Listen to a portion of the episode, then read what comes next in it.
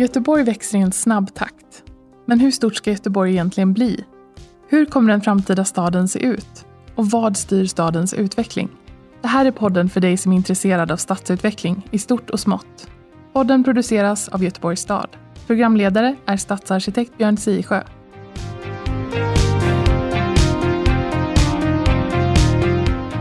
Hjärtligt välkomna ska ni vara till Götepodd, podden om stadsutveckling i Göteborg. Idag har jag med mig Kristina Heikel och Henrik Olsson. Ni ska vara hjärtligt välkomna ni också. Kristina, kan du berätta vem du är då? Mm.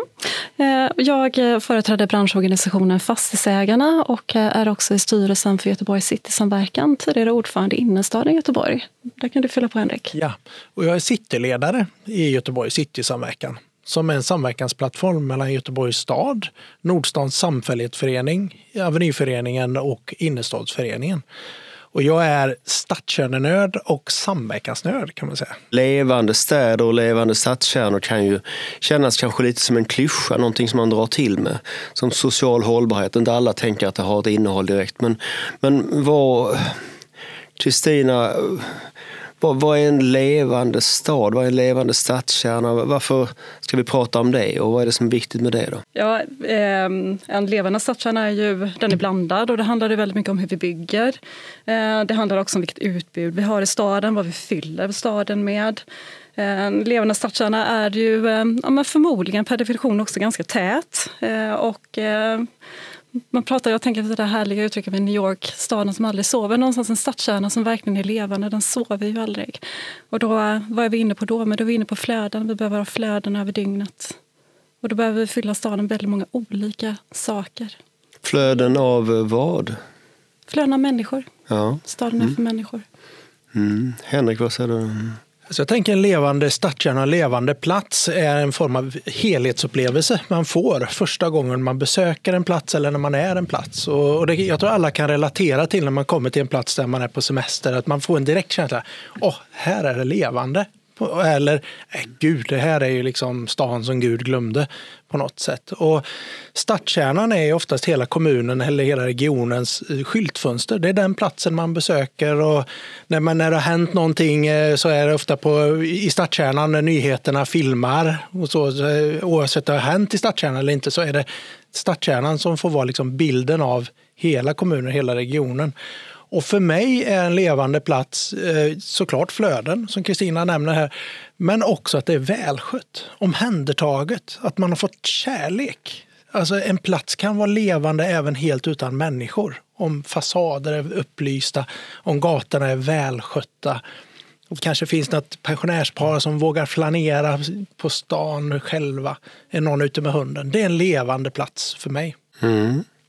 Eh, så då, när man tänker som så här att när man pratar om, om Göteborg utomlands så pratar man ofta om stan som ett, eh, som ett lite oupptäckt turistmål. En, ett, ett quirky place liksom där man kan, där man, som man med fördel borde besöka. Mm, men vad beror det på? Beror det på, på våra fina motorvägar och vår fantastiska bilframkomlighet? Eller vad beror det på Kristina? Ja, där har du nog beskrivit vad det inte beror på. att vi har varit ganska duktiga på att utveckla det andra. Att vi, har, eh, vi har ju en, en nyfikenhet kring vår stad och en, en, potential får vi säga. Då. Det är många som ännu inte har upptäckt Göteborg. Mm. Vad, vad är potentialen som finns där och hur skulle det bli då om man fullföljde den potentialen? Det vi har det är ju en, en, identitet som vi behöver bygga vidare på. Det är ju där vi, vi hittar vår potential och det är det vi behöver bygga vidare på. Så det är ju, på sätt och vis har du ju kanske ändå rätt i när du nämner bilen. För någonstans där, ja men nu får vi ett eh, Volvo-museum i stan. Det kanske är så att vi behöver bygga vidare på det som är bilen men som är en annan del av identiteten bilen och vad vi tänker vid, vid första anblick. Men, men vad, vad är liksom om du tänker Göteborgs identitet då Henrik, vad är det liksom Lisebergs kaniner och, och lite pilsnerfilmsartade eh, konversationer på göteborgska eller hur funkar det? Alltså en identitet är upp till var och en att uppleva men jag kan känna att eh, lite grann som jag tidigare sa det, att stadskärnan ska på något sätt vara själva sinnesbilden av hela staden och jag tänker Göteborgs eh, identitet är ju väldigt mycket värme mycket inspiration, att det är spännande det händer. Sen är det en utmaning för en stadskärna att det är inte som att varumärkesbranda eh, en tvål, liksom en väldigt specifik målgrupp till en specifik prisklass. Stadskärnan ska ju vara en plats som är tillgänglig för alla och ska kunna upplevas på olika sätt av olika människor. Om man nu besöker, är man besökare från Falkenberg eller om man kommer från Bergsjön. Men jag tror också den här potentialen att jobba med en stadskärna, vi pratar nu bilar då, att på samma sätt som Volvo nu gör en resa från liksom fossildrivna fordon till, till elfordon och på samma sätt som eh, eh, Eriksberg och liksom Hisingen har gått från varvsindustri till, till eh, teknik. På samma sätt så måste vi omhänderta stadskärnans potential från att gå från traditionell handel till, till upplevelsebaserad eh, ja, upplevelse helt enkelt. Mm. Och jag tror vi alla är väldigt överens om att stadskärnan har en strategisk betydelse för staden och för näringslivet och så. Vi är ju inne i ett väldigt stort skifte nu i stadens funktion. Och det, ju, det, kan ju kännas lite läskigt för vissa. Eh, man kan ju tänka att det finns en, en, en väldigt stor förändringsvilja där. För det handlar ju också inte bara om att vi skulle vilja kanske kunna förändra oss, utan vi måste förändra oss. Vi, vi måste ju liksom gå förbi den här den gamla handelsstaden som har varit i, i hundratals år till att bli mötesplatsen på riktigt. Vi måste förtjäna våra besökare. Vi behöver jobba med eh, som destinationsarbete så som vi har gjort för fjärran besökare också för, också för de lite närmre besökarna. Vi behöver hitta, vi behöver förtjäna våra besökare också, göteborgarna, och vi behöver förtjäna våra, våra kontorsarbetare också. Så att alla delar av stadskärnan på något sätt måste, det måste liksom bygga, på, bygga på att vi verkligen lyckas på riktigt. Du pratar lite om bilen. Jag tror också att vi måste också våga liksom prata om, om det vi tänker olika kanske. Och, och, då, då kan det ibland uppstå också konflikter på här och nu och i framtiden. Och många pratar om det här med bilfritt centrum. Jag skulle säga vända på diskussionen och säga att vi ska ha en, en människovänlig stad. Och det är klart att jag kan ju förstå här och nu pratar ju handlare dagskassa. Och då kanske bilen är en viktig transport. Eh, men, men vi pratar ju också en hållbar liksom, plats att leva på i framtiden. Och då ser jag åtminstone jag då, för att om man nu ska våga prata om alla delar, för det får inte vara så, och det får vi inte prata om. Men, men om vi pratar bil så finns det en samsyn i att man har en tillgång till bil i noder. Men, men man har gågator. Men då måste man också, det kräver ju mod att gå genomgå den transformeringen också. Man behöver inte köra in bilen i butiken idag, men, men man kan sätta bilen i, i ett parkeringshus, men gå in. Och det finns också en, en, helt annan aspekt på bilfrågan. Det är också, eh, och det, Då kan man ju lägga ett, ett, ett marknadsperspektiv på det. Alltså hur länge är det försvarbart att vi har eh, parkerings, parkeringar på markyta? Eh, blir marken tillräckligt värdefull så, så, kan man ju inte försvara det i längden. Eh, och var står vi där nu? Ehm, det, att eh, det är ju som i grunden väldigt, det är väldigt attraktiv mark. Det är ju väldigt bra eh, mark att bygga på. Den är hårdgjord, den är platt, den är redo. Hur länge kan vi försvara eh, innan vi, vi bygger på attraktiva platser? Jag skulle säga att i en ganska snabb takt så försvinner de här markparkeringarna idag. För det, det, det, det är väl redan det som du pratar om som en fråga, det, det har ju redan hänt egentligen. För att det är ju så att Göteborg har ju varit markparkeringarnas förlovade stad med enorma ytor som, som har, har varit parkeringar på mark. Men det beror också på att vi har byggt staden på ett sätt som varit glest. Jag, jag eh, jag såg en film här, häromdagen som handlade om en spårvagnsfärd år 1907. Har ni sett den?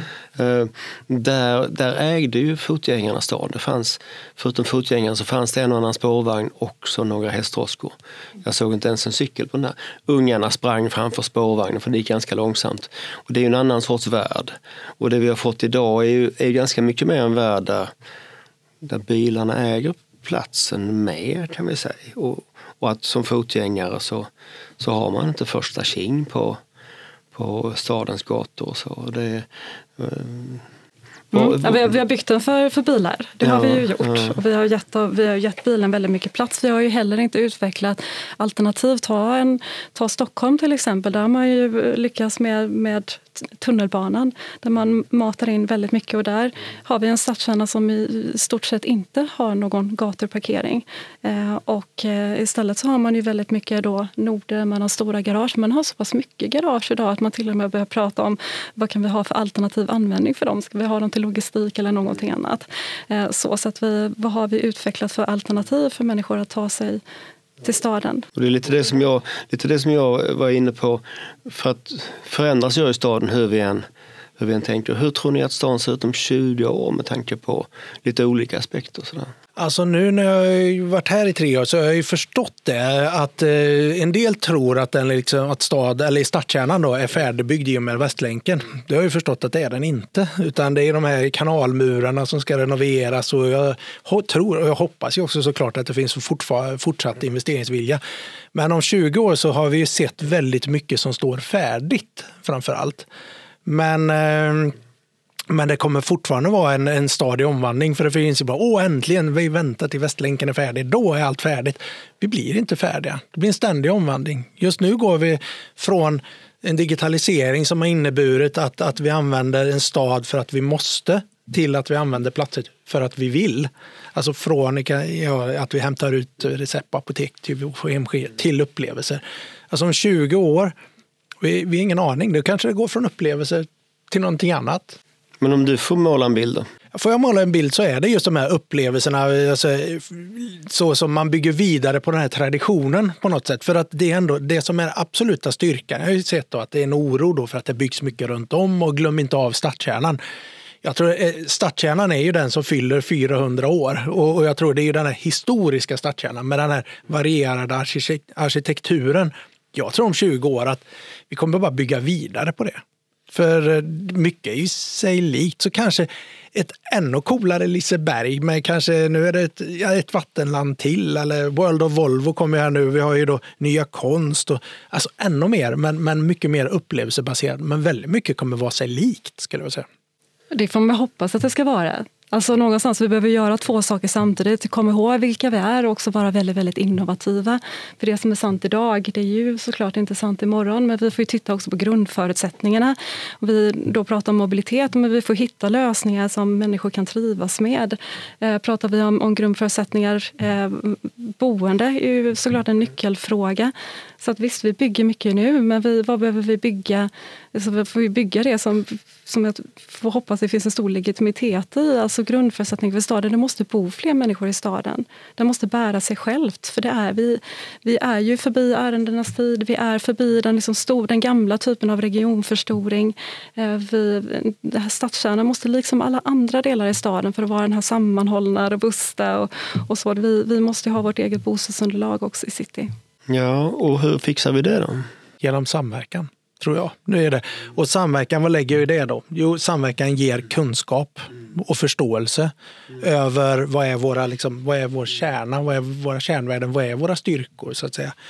Men, men också vem, vem ansvarar för vad så att säga. Staden ansvarar för de allmänna ytorna, fastighetsägarna ansvarar för sina. Men också måste vi våga att prioritera. Vad är extra viktigt just nu? och våga prioritera bort. Alltså vi kan många gånger säga att vi måste ha mer, mer, mer.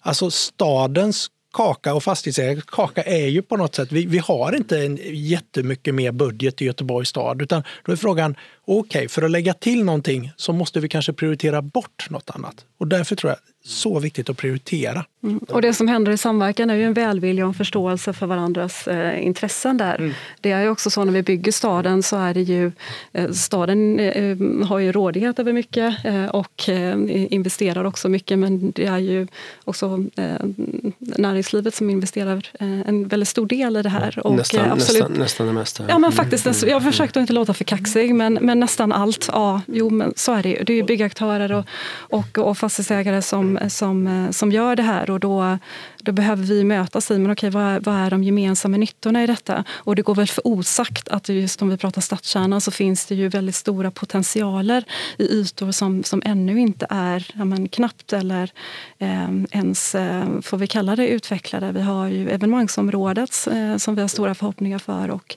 också Heden naturligtvis. Eh, och det som, som händer när vi möts och pratar med varandra är så här, men det behöver, vi kan absolut jobba vidare på, på eh, Göteborg som eh, evenemangsstad. Vi, vi, kan ha evenemang mitt i stan. Eh, och jag ser alla förutsättningar för oss att mötas i att vi också kan förena det med ett, ett eh, stort, eh, så att vi maximerar eh, bostäderna också i, i det området. Att man kan utveckla Heden med delvis bostäder och också ha med oss eh, det som är hedens identitet och med idrotten som samlande kraft. Det är möjligt. Vi pratar ju ganska mycket om fler människor. Mm. Och, och därmed kanske också att fler människor som bor i stan. Och, och, och, men jag undrar så här, räcker det för att göra en levande stad? Eller vad är det mer som måste till? Det är, ju, det är ju de som bor, det är de som eh, arbetar, det är de som besöker eh, från Göteborg, från Göteborgsområdet, från hela vida världen. Eh, och sen är det ju alla de andra komponenterna och det är ju också vad vi fyller staden med. Eh, och där, där ser jag att vår bransch, det var ju någon som sa när det blev riktigt, riktigt eh, svettigt här, när, vi, när många ville prata om butiksdöden, så var det en som ställde sig upp och sa vi har haft det alldeles för lätt, det är nu vi får börja jobba med ett stort leende. Och det är verkligen där nu vi får börja jobba. Ja. Och framförallt för att man kanske inte har, det är klart man har behövt anstränga sig, det är inte det, men som sagt, jag var inne på, förut använde man startkärm för man var tvungen till det. Alltså när jag flyttade till Göteborg från Lidköping, om här, då var jag tvungen att åka till biblioteket för att skriva ut papper och åka till CSN, till stan på Kungsgatan för att söka, eller Försäkringskassan eller åka till skolan för att lämna in papper. Jag behöver inte göra någonting av det. Alltså egentligen, och det skapar ju en helt unik potential för landsbygden eh, och bo där.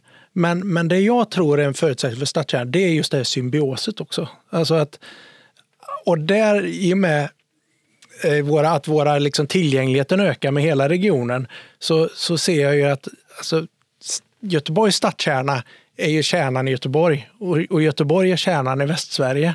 Och då blir ju det regionens kärna. Eh, men vi är också beroende av resurser som kommer från landsbygden. Så jag ser det, det är symbioset mellan stad och land. Men också symbios, för ibland pratar jag så här, ja men eh, allt måste inte vara i stadskärnan, vi måste tänka på ytterområden också. Ja men det är ju det vi gör. Alltså det är symbioset det här mellan Göteborgs innerstad, Göteborgs mellanstad och Göteborgs ytterstad och hur, hur alla, alla delar ska vara. Kristina, du nämnde lite grann här med bostäder. Jag vet att du har pratat om det. Mycket fler bostäder. Men, men hur, hur gör man då? då? Liksom hur, hur får man till det i den här stadsbygden som, som både är kulturhistoria och, och självklart eh, många människors hem redan? Ja, det, det hänger ju på stadsbyggnadskontorets goda vilja ganska mycket, eller hur Björn? Ja, men det gör det väl också på sätt och vis. Men, men det är klart att det finns många, det finns många många turer runt det.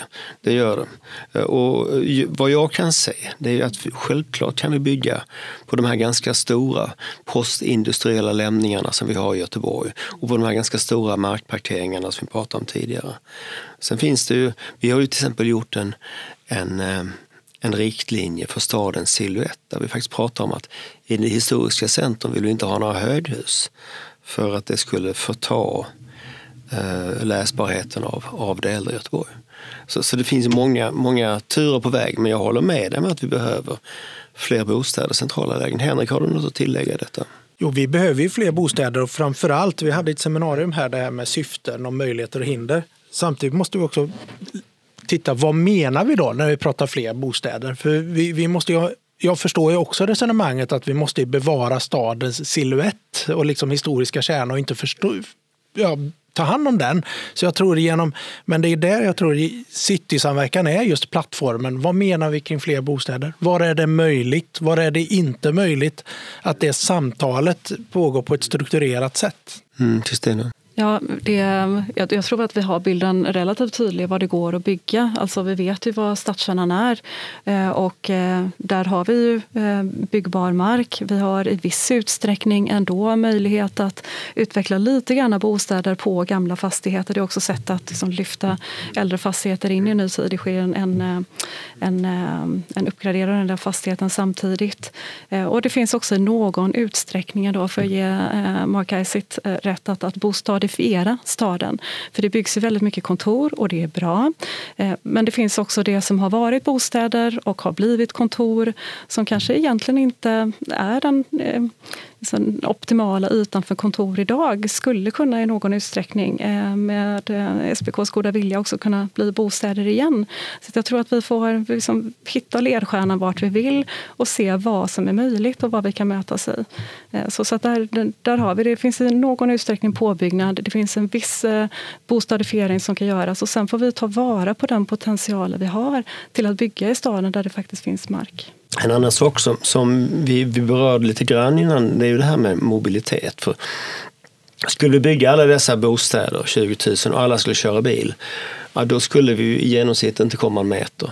Så vi måste ju jobba med mobiliteten. och, och och där är ju Västlänken ett inslag som vi håller på att bygga nu som öppnar om några år. Hur, vad tror ni långsiktigt skillnaden blir egentligen i Göteborg? Innan vi börjar tänka kring att, att alla de här människorna ska behöva förflytta sig så som de som bor utanför. Ja, det, det är klart att det finns många som då kommer kunna leva den här 15 minuters staden livet då också. Väldigt många fler. Att man faktiskt inte behöver bilen överhuvudtaget utan att att man, har, eh, man, man, bor nära sitt arbete. Det vi ser idag med att vi har få, få bostäder i stadskärnan gör ju också att den blir väldigt sårbar. Den blir väldigt beroende utav inpendlande. Den behöver ju inte vara det. Vi kan ha en stor inpendling, det kommer Västlänken vara en viktig del i att möjliggöra. Men vi kan också ha fler som bor nära sina arbetsplatser. Och det vi ser nu, eller har sett de senaste 20 åren, det är ju hur Göteborgs stadskärna eller innerstad blir flerkärnig också. Eh, vi ser ju Skanstorget, det bara bubbla där. Stigbergstorget. Olskroken, där jag själv var centrumledare under några år, gick ifrån att nästan på vippen dö ut för att det var många som var dubbelanslutna till Allum där. Så nu lägger vi ner. Men vi jobbar väldigt aktivt och nu är det ju ett, ett levande stadsdelstorg ihop med, med Danska vägen och Svingen. Alltså börjar få lite, någon lite kvarterspub och sådär. Och det men alltså, förut kanske man mer bara åkte till Avenyn. Så där, bara, det var Avenyn som gällde och sen var alla andra platser var lite så här, någon sunkig pizzeria. Och så där, om man nu får raljera lite grann. Men nu blir det de här platserna. Och hur läker vi det då? Vi pratar om det här 15 minuters staden pratar man ju ofta och relaterar till Paris, men Göteborg kanske. Hur tar vi de här fem minuters staden? Man har fem minuter till sitt stadsdelstorg, men hur läker vi samman de eh, delarna också? Det ställer ju helt nya krav på oss att, att läka staden. Jo, kanske också det där som, som vi har att det är ju ungefär lika långt från city till, eh, till Backaplan som till, eh, låt oss säga, Järntorget eller Masthuggstorget. Eh, men promenaden till Järntorget är en annan än den som man har till Backaplan. Så, så det, det, handlar ju det handlar väldigt mycket om det där. En levande stad som inte heller får avbrytas av en massa annat skräp. Ja, det finns ju fler barriärer över till Backaplan eh, än vattnet. Eh, väldigt många fler. Ja, och, fär, och färre upplevelser. Ja, helt klart.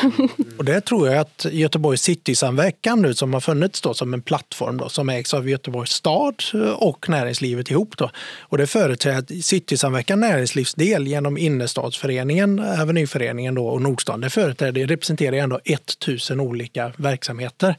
Och det är där då för att skapa förståelse. Hur omhändertar vi den potentialen som finns? Och hur gör vi det på gemensamma målbilder och så tydliggör också vem ansvarar för vad?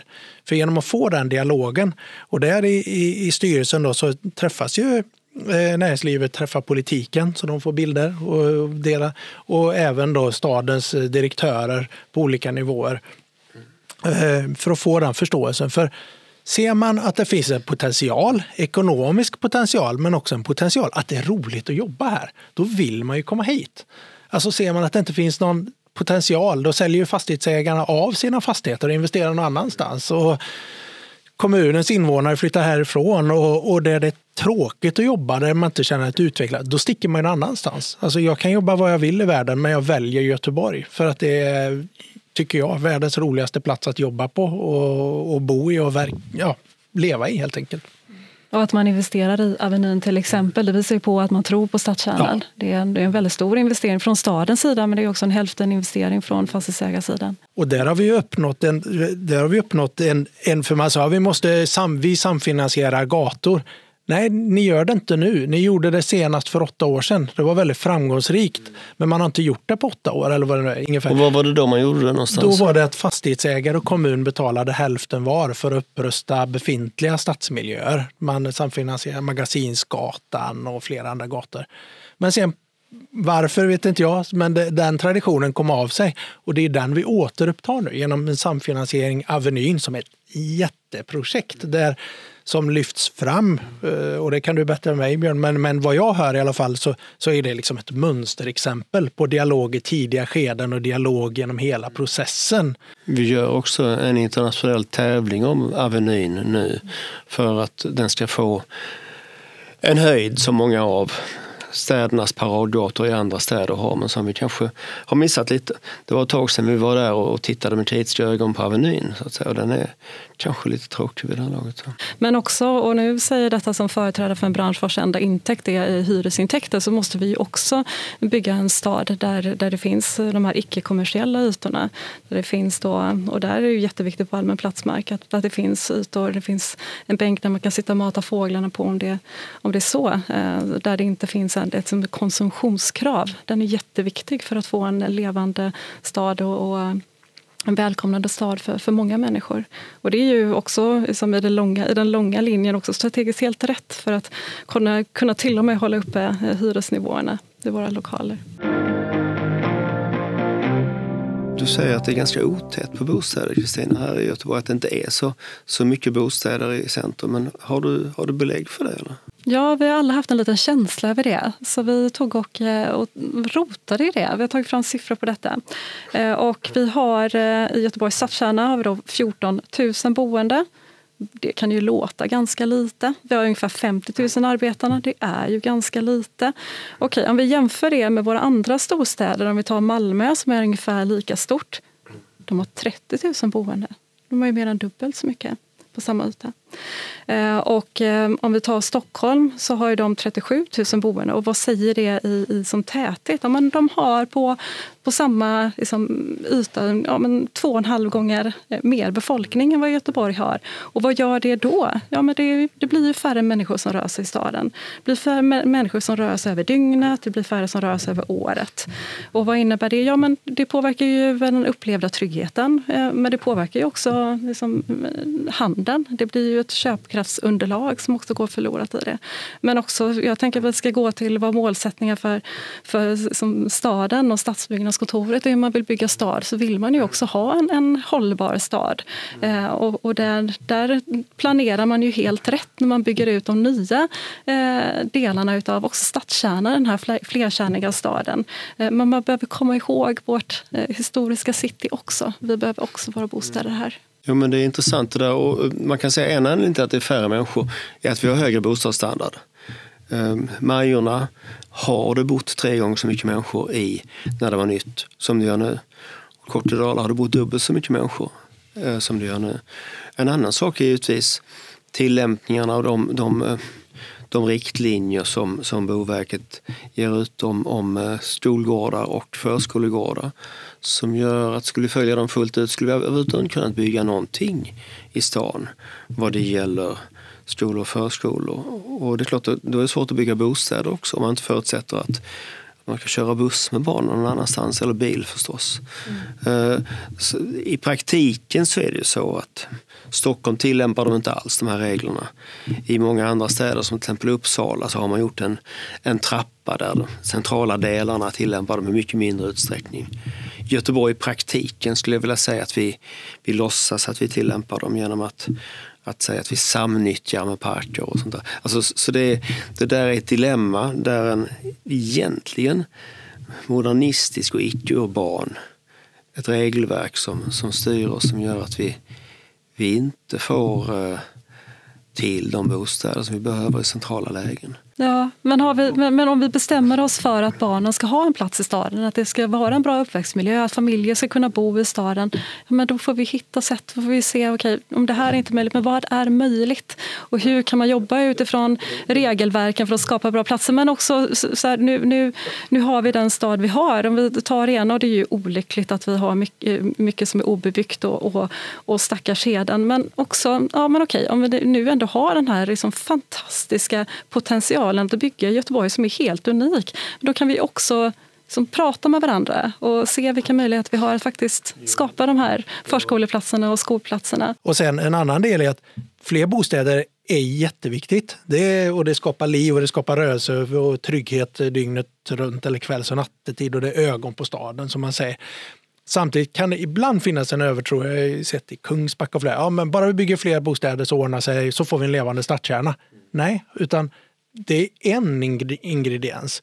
Det är också att ha en tillgänglighet. Det är också att ta hand om det befintliga näringslivet, alltså bottenvåningar. Och, så att jag tror det är helheten. Man ska inte bara göra så enkelt, nu fixar vi fler bostäder. För tittar man till exempel Linnégatan kan ju vara ganska död, alltså på mitt i sommaren där och där är det bostäder överallt. Och det funkar ingen saluhall i, trots att det finns bostäder överallt. Så att, jag säga, det är en av många eh, idéer. Och där tror jag också, hur omhändertar vi stadskärnan? Jag brukar säga det, det här uttrycket, måtte djävulen ta all brunpapp. brukar jag säga. Sätt inte brunpapp på bottenvåningar, utan ta hand om butikerna, förnya, gör det attraktivt i bottenplan. För många tror jag har så det levande stadskärna. Det är lite där Bullerby-känsla. Levande, mysiga kaféer, eh, ögon på staden, bostäder, belysta fasader och så vidare. Så att det är så mycket det är så många delar. Och det är där, för att, för att göra det så är det, det är en bevisad, Boverket kom nu ut med en rapport, det här med platssamverkan. Man säger då, för att vi ska lyckas göra en plats attraktiv så krävs någon form av strukturer för samverkan.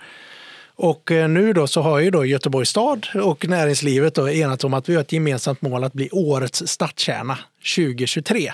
Och vad innebär då årets stadskärna? Ja, det innebär inte att vi har årets vackraste stadskärna, utan det innebär att vi har den bästa strukturen och förhållningssätt till samarbete. För vi tror att det är ett verktyg för att kunna åstadkomma gemensamma målet att få en, en, en attraktiv plats.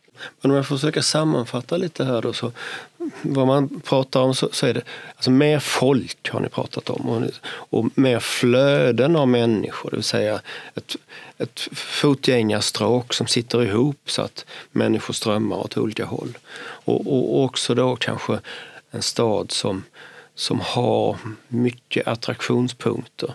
Det ska vara roligt att röra sig.